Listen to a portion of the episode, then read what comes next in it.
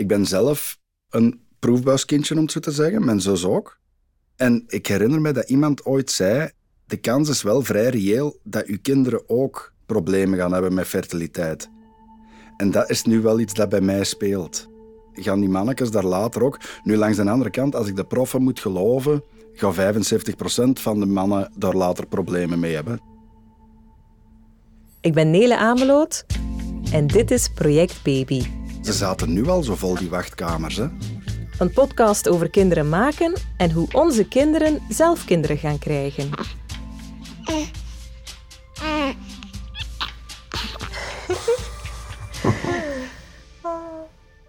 In juli kregen mijn vriend en ik een baby. We mogen dankbaar zijn, hè?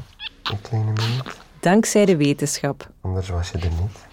Maar hoe zal onze dochter binnen 20, 30, 40 jaar mogelijk zelf kinderen krijgen? Hoeveel procent van de baby's zal dan nog op de natuurlijke manier verwekt worden? Tegen 2050 dreigt het einde voor de natuurlijke bevruchting. Spermakwaliteit gaat achteruit. Eén op de zes mensen wereldwijd is onvruchtbaar. Dat cijfer maakte de Wereldgezondheidsorganisatie vandaag bekend. Fertiliteit gaat veel verder dan onvruchtbaar zijn.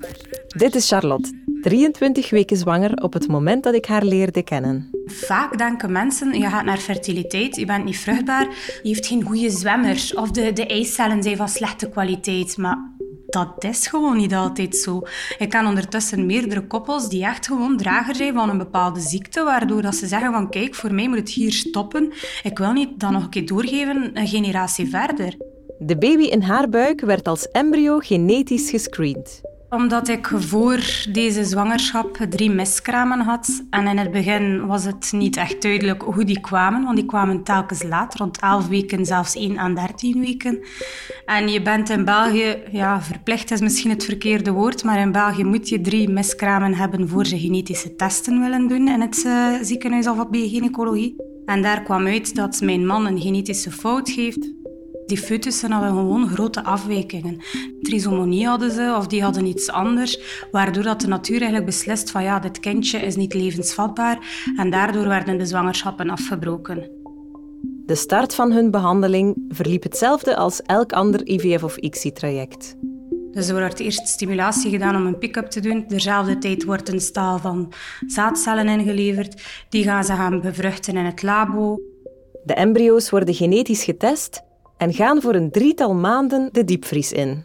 Die drie maanden dat kan je nog redelijk plaatsen, omdat er ook niks meer aan de hand is in je lichaam. Je hebt tijd om te bekomen, je kunt wat tot rust komen, want die hormonen moeten terug uit je lijf.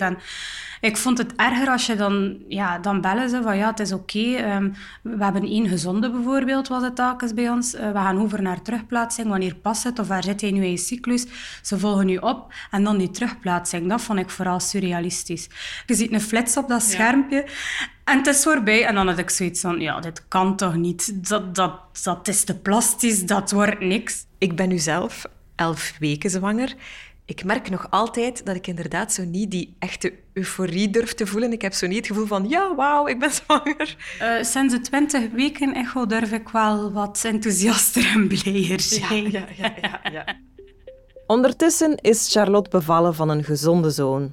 Zij hoopt dat er in de toekomst meer mogelijkheden zullen zijn om genetisch te testen. Maar dat is natuurlijk ook een ethische discussie. In welke mate gaan we onze voortplanting helemaal gaan medicaliseren voor een kleine minderheid tegenslag te voorkomen. Professor Stoop van het UZ Gent ziet het genetisch testen alvast toenemen. Kunnen meer mensen helpen om te voorkomen dat ze een kind gaan krijgen die een bepaalde ziekte heeft genetisch. En, en die uitgebreide screening wordt ook steeds ja, uitgebreider en, en, en toegankelijker en meer mensen gaan ervoor kiezen, waardoor eigenlijk koppels kunnen wij dan spreken, voordat ze aan kinderen beginnen gaan kijken, van heb ik een risico op een bepaalde genetische aandoening voor mijn kinderen, op basis van mijn genen en die van mijn partner. En dan zeg je, ja kijk, er is geen kans voor dit of dit. En dan naar IVF gaan om dat te kunnen voorkomen. En, en, en de mogelijkheden daar zijn zo uitgebreid dat dat alleen maar kan toenemen in, in, de, in de toekomst. En dan heb je enkele procenten kans per koppel dat je daar iets gaat vinden. Die uitbreiding is er nog niet. De capaciteit om al die testing te doen is er ook nog niet. Maar goed, als die, als die vraag er is, kan die er wel komen. Dus ik denk niet dat dat een onethisch iets is. We hebben ook geen slechte bedoelingen bij. En we doen het ook niet voor zinloze dingen. En we gaan het niet doen voor kleur haar of lichaamslengte. Eh, we kunnen het ook nog niet voor dat. Maar als we het zo kunnen, we gaan het ook niet doen. En geslachtsselectie kunnen we bijvoorbeeld al doen, maar dat gaan we ook niet doen. Dat is ook verboden. Dus ik denk dat het perfect te reglementeren is dat die dingen enkel voor zinvolle dingen gebeuren en niet voor, voor ehm, grillen van mensen. Maar het is misschien niet uit te sluiten dat het ergens in het buitenland ooit wel zo ver komt. Oh, zeker en vast. Zeker en vast, ja. Bij Charlotte werd een embryo teruggeplaatst die de erfelijke belasting niet had. Maar nog een stap verder dan embryoselectie is het aanpassen van genen binnenin slechte embryo's. Dat je eigenlijk zegt van we gaan dit gen veranderen of een foutje herstellen of dit gen vervangen door een ander gen. Dus het is allemaal heel, heel klein. Dus het is lekker zo'n een parelsnoer, een knip maakt en daar dan de mogelijkheid maakt om daar iets in te voegen of iets te vervangen. En dat houdt natuurlijk heel veel risico's in. Om die reden wordt dat ook niet toegepast bij de mens. Het is eenmaal toegepast in China en die man die het gedaan heeft zit nu in de gevangenis. En we weten nog veel te weinig van genetica om daar die code te gaan herschrijven. Het is een beetje grootheidswaanzin van, van ons om dat te denken dat we dat gaan kunnen. Wetenschapswatcher Hetty Helsmoortel verdiepte zich in het onderzoek rond genen wijzigen. Ik denk over vijf of tien jaar kan het wel, denk ik, binnen de juiste context lukken. En misschien zelfs wel in ons voldoende getest en voldoende onderzocht dat er geen rare complicaties zijn later. Ouders die akkoord zijn, een maatschappij die daarmee akkoord is, een ethische commissie die zijn zegen heeft gegeven.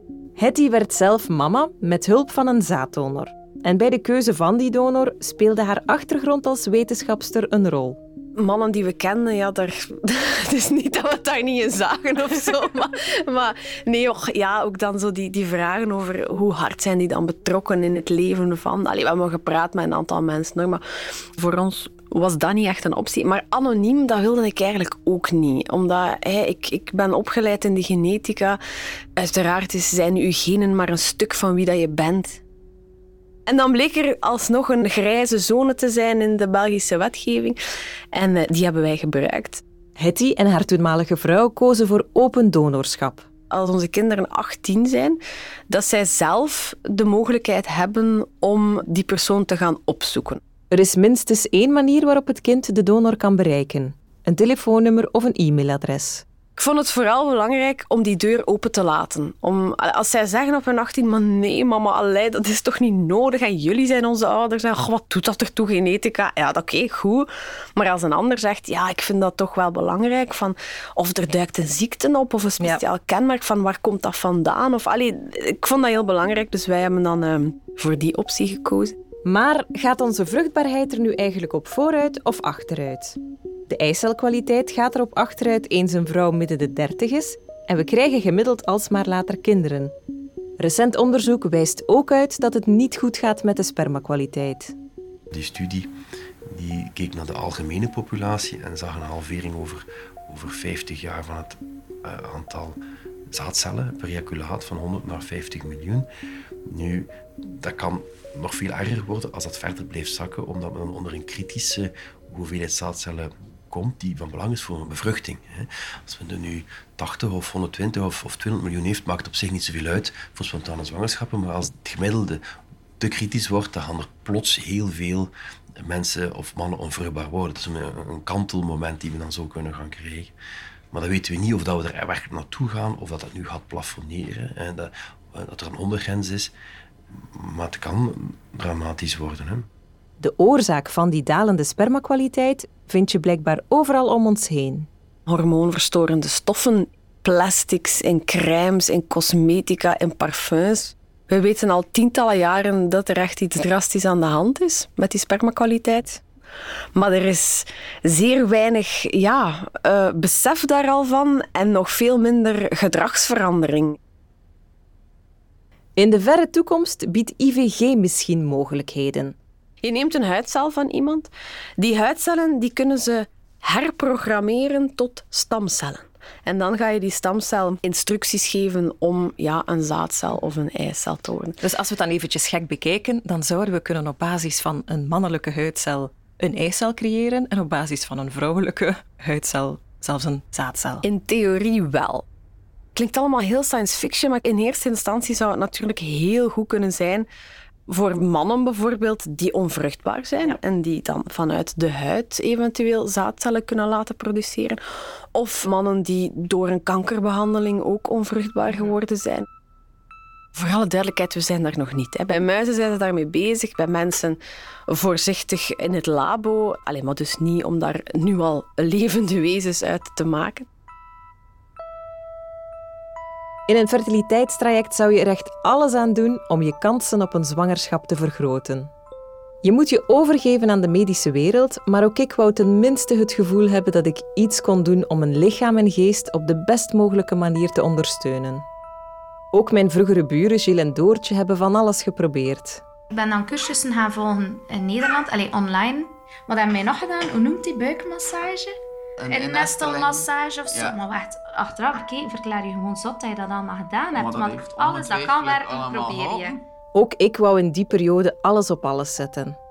Ik ging ook naar een acupuncturiste, naar de osteopaten die ik al jaren ken. Maar je moet kritisch zijn. Ja. Want je kunt heel veel geld kwijtraken als je niet kritisch kijkt naar wie Klopt. is de persoon achter uh, de supplementen. En, en wat dan ze zeiden als ik zei, ik ga naar een osteopaat, ik ga acupunctuur doen. En die supplementen, die supplementen, krijg je altijd hetzelfde antwoord.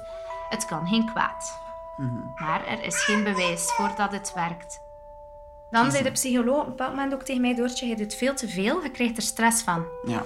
En dan heb ik alles laten vallen en dan had ik veel meer rust in mijn hoofd. Mhm. En rust in je hoofd is ook rust in je lijf. Wat je ook probeert of wat er ook gebeurt, de belangrijkste goede raad komt denk ik van Thijs van Esten. Zorg voor elkaar. Zorg voor elkaar. Of dat het goed gaat aflopen of, of, of niet zo goed, dat heb je het niet in de hand. Maar de dingen dat je niet in de hand hebt, mogen ook niet te hard bij stilstaan of je aan vastklampen. En dat er gebeuren zal wat er gebeurt. Hè. Zorg dat je met je vrienden in die mate een relatie hebt dat je daar geen schroom over moet voelen. Dat je gewoon kunt praten. Voor mij was dat wel heel louterend voor zo'n paar vrienden te hebben. Het is een cliché hè, van je mag me bellen als je nodig hebt, maar je moet het doen. Ik heb uh, als de eerste geboren is, op mijn hart een hart laten zetten met een spiegelbeeld, het woord content. Omdat ik dat dan elke morgen in een spiegel. En ik heb dan achteraf bij een tweede, zo een tweetje zoals bij een kwadraat. Dubbel content.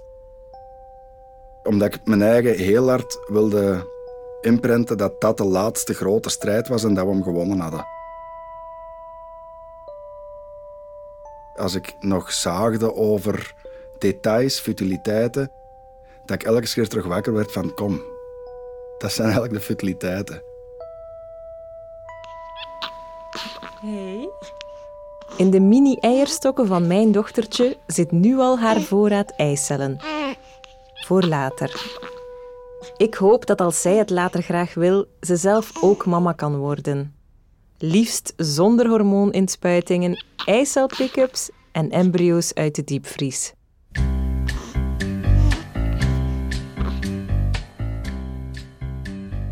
Dit was Project Baby.